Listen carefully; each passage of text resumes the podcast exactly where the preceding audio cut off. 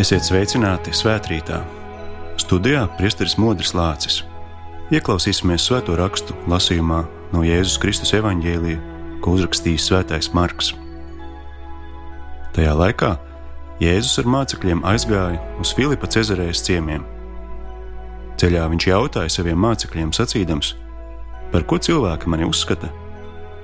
Tie atbildēja viņam sacīdami: vieni par Jānu Kristītāju, citi par Eliju, citi par vienu no praviešiem. Tad viņš tiem jautāja: Bet par ko jūs mani uzskatāt? Pēteris atbildēdams viņam sacīja: Tu esi Kristus. Un viņš tiem piekodināja, lai tie par viņu nevienam nesaka. Un viņš sāka tos mācīt. Cilvēka dēlam būs daudz jācieš un jākļūst tautas vecāko, augsto priesteru un rakstu zinātāju atmestam un nonāvētam, bet pēc trim dienām viņš augšām celsies un šos vārdus viņš runāja atklāti. Tad Pēters, paņēmis viņu savrupu, sāka viņu pierunāt. Bet Jēzus, pagriezies un uzlūkodams savus mācekļus, piedraudēja Pēterim, sacīdams: Atkāpies no manis, Sātan, jo tu domā nevis par to, kas ir dieva, bet gan par to, kas ir cilvēka. Un pieaicinājis ļaudis, līdz ar saviem mācekļiem, viņš tiem sacīja: Ja kāds grib man sekot, lai aizliedz pats sevi, lai ņem savu krustu un seko man. Kas savu dzīvību grib glābt, tas to pazaudēs, bet kas savu dzīvību pazaudēs manis un evaņģēlīja dēļ, tas to izglābs. Tie ir svēto rakstu vārdi - Slāva Kristum!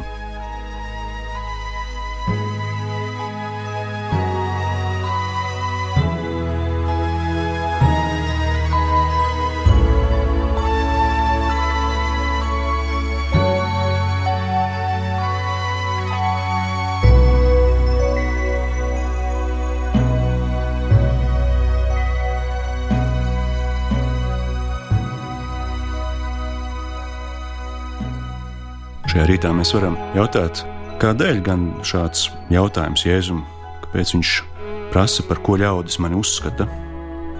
Mums ir mācīts, ka Dievs zina visu. Savukārt, iemiesotais Dieva vārds Jēzus Kristus atzīst, to stundu neviens nezina, tikai Tēvs. Tātad Jēzus zināšanas ir ierobežotas. Tomēr varbūt viņš zina, ko ļaudis par viņu saka. Ja viņam ir svarīgi, lai mēs par to pārdomātu pajautāt arī paši sev. Un tad seko jautājums, par ko jūs mani uzskatāt? Kad noskaidrots ir vispārējais sabiedrības viedoklis, tad svarīgi atkal ir pievērsties mūsu pašu personīgiem viedoklim, ko mēs paši par Jēzu domājam. Un tas ir jautājums par identitāti. Kā mēs nosauksim, kas viņš ir? Bet Mēs varam arī šo jautājumu pārfrāzēt un teikt, kas tu esi? Un tā jau ir tāda attiecību uzsākšana.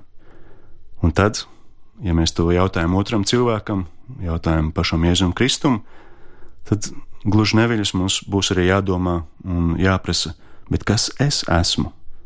Un tad, kad mēs uzdodam šādu jautājumu, tas jau ir jautājums par jēgu, atrast jēgu sev, savai dzīvei, pasaulē.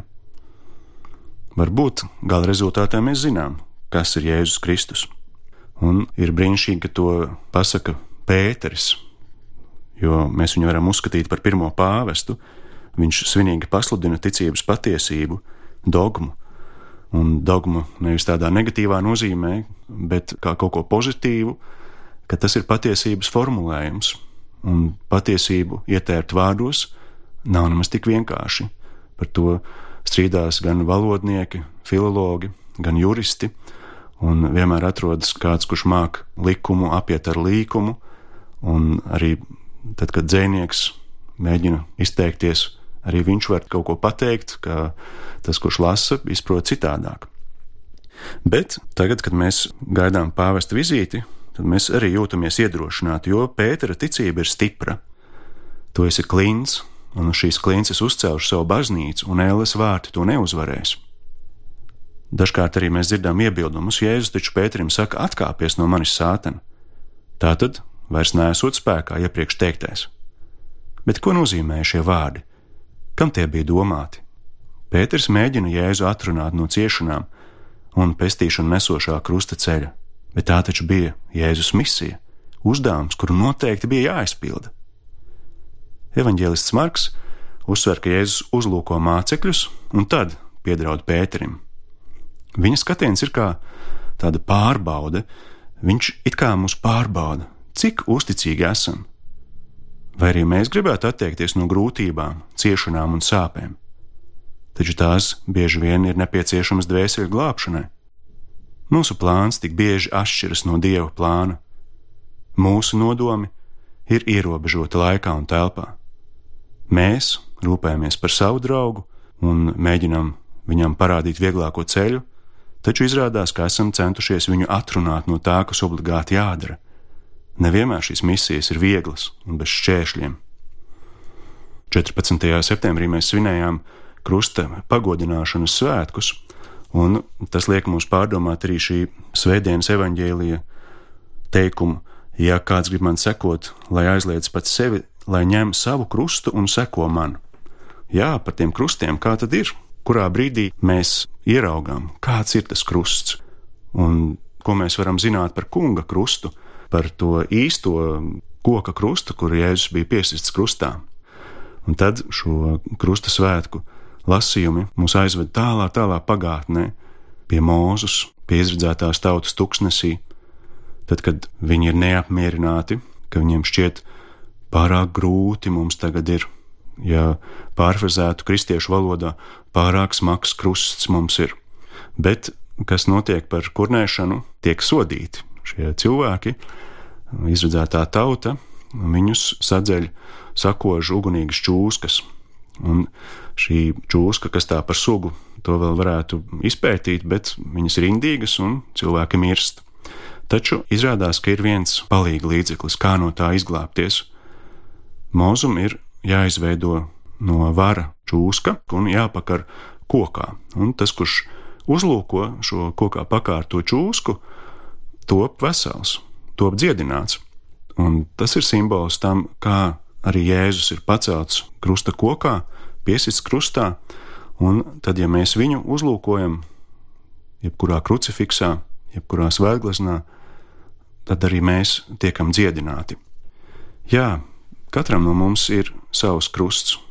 Reiz Juris Podnieks uzņēma filmu, kas ir kļuvusi par latviešu kino klasiku, vai viegli būt jaunam, un mēs arī varētu tāpat jautāt, vai viegli būt tam un tam, vai man ir viegli, un tad mēs skatāmies uz citiem, pētām, analizējam, viņiem noteikti ir vieglāk, bet kāds arī teiktu, nevienam nav tik grūti kā man. Jo vairāk mēs uzzinām par otru cilvēku, jo vairāk saprotam, nē, viņam arī ir tik daudz jādara, tik daudz pienākumu. Viņam ir tāds pats smags krusts kā man. Un Jēzus saka, lai ņem savu krustu. Tad mēs varam šajā rītā arī pajautāt sev, kas ir mans krusts, kā es ar to tieku galā un par ko es esmu atbildīgs. Vai es visu esmu izdarījis, vai iespējams izdarīt visu, un tad ir atkal tas klasiskais jautājums par perfekcionismu. Ja mēs izvēlamies sev to krustu grūtāk nekā īstenībā Dievs mums ir uzlicis, mēs gribam darīt tos darbus, kas mums nav jādara, iejaukties citu darīšanās. Protams, tas nenozīmē, ka mēs drīkstam paiet garām cilvēkam, kurš ir nokļuvis nelaimē, bet dažkārt mēs šo savu laiku aizpildām negluži ar to vajadzīgāko. Tātad mēs savu krustu tā īsti nepazīstam. Un ir vērts par to pārdomāt, jautāt, vai es savā perfekcionismā neaizmirstu mīlestību, kad es gribu kaut ko ļoti, ļoti labi izdarīt. Tā es savu krustu varu padarīt gan arī nepanesamu. Savukārt mīlestība, šis spēks, dedzība, ilgas, ilgas pēc otra cilvēka, ilgas pēc dieva, ilgas pēc debesu valstības, mums dod spēku, Mums arī neko nelīdzēs tas, ka mēs zināsim, kāds ir Jēzus un kas ir Jēzus. Jo Pēters, protams, mums to pasaka priekšā. Bet šīs zināšanas tātad neko nelīdz, ja mēs neuzdrošināsimies sākt draudzības un mīlestības attiecības ar viņu. Mums ir jāatveras Dieva mīlestībai, un tas nozīmē atbildēt viņa iniciatīvai, Viņš mūs ir radījis, un mums ir iespēja brīvi izvēlēties mīlēt vai nemīlēt, pateikties vai palikt vienaldzīgiem. Dzīvības dāvana, ko Dievs mums ir devis, mūs ieved esamībā, no nebūtības šeit, no tumsas gaismā. Dieva identitāte ir attiecības, viņš ir trīsvienība. Viņš sevi dod un viņš sevi īsteno savstarpējā apmaiņā. Tātad Pētera atbilde ir kā aicinošs tilts uz trīsvienības noslēpumu. Un noslēgumā lūksimies, kā Kristus pats mums ir mācījis.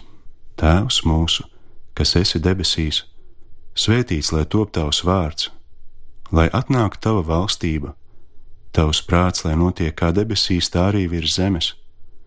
Mūsu dienascho maizi dod mums šodien, un piedod mums mūsu parādus, kā arī mēs piedodam saviem parādniekiem, un neieved mūsu kārdināšanā bet atvestī mūs no ļauna. Āmen!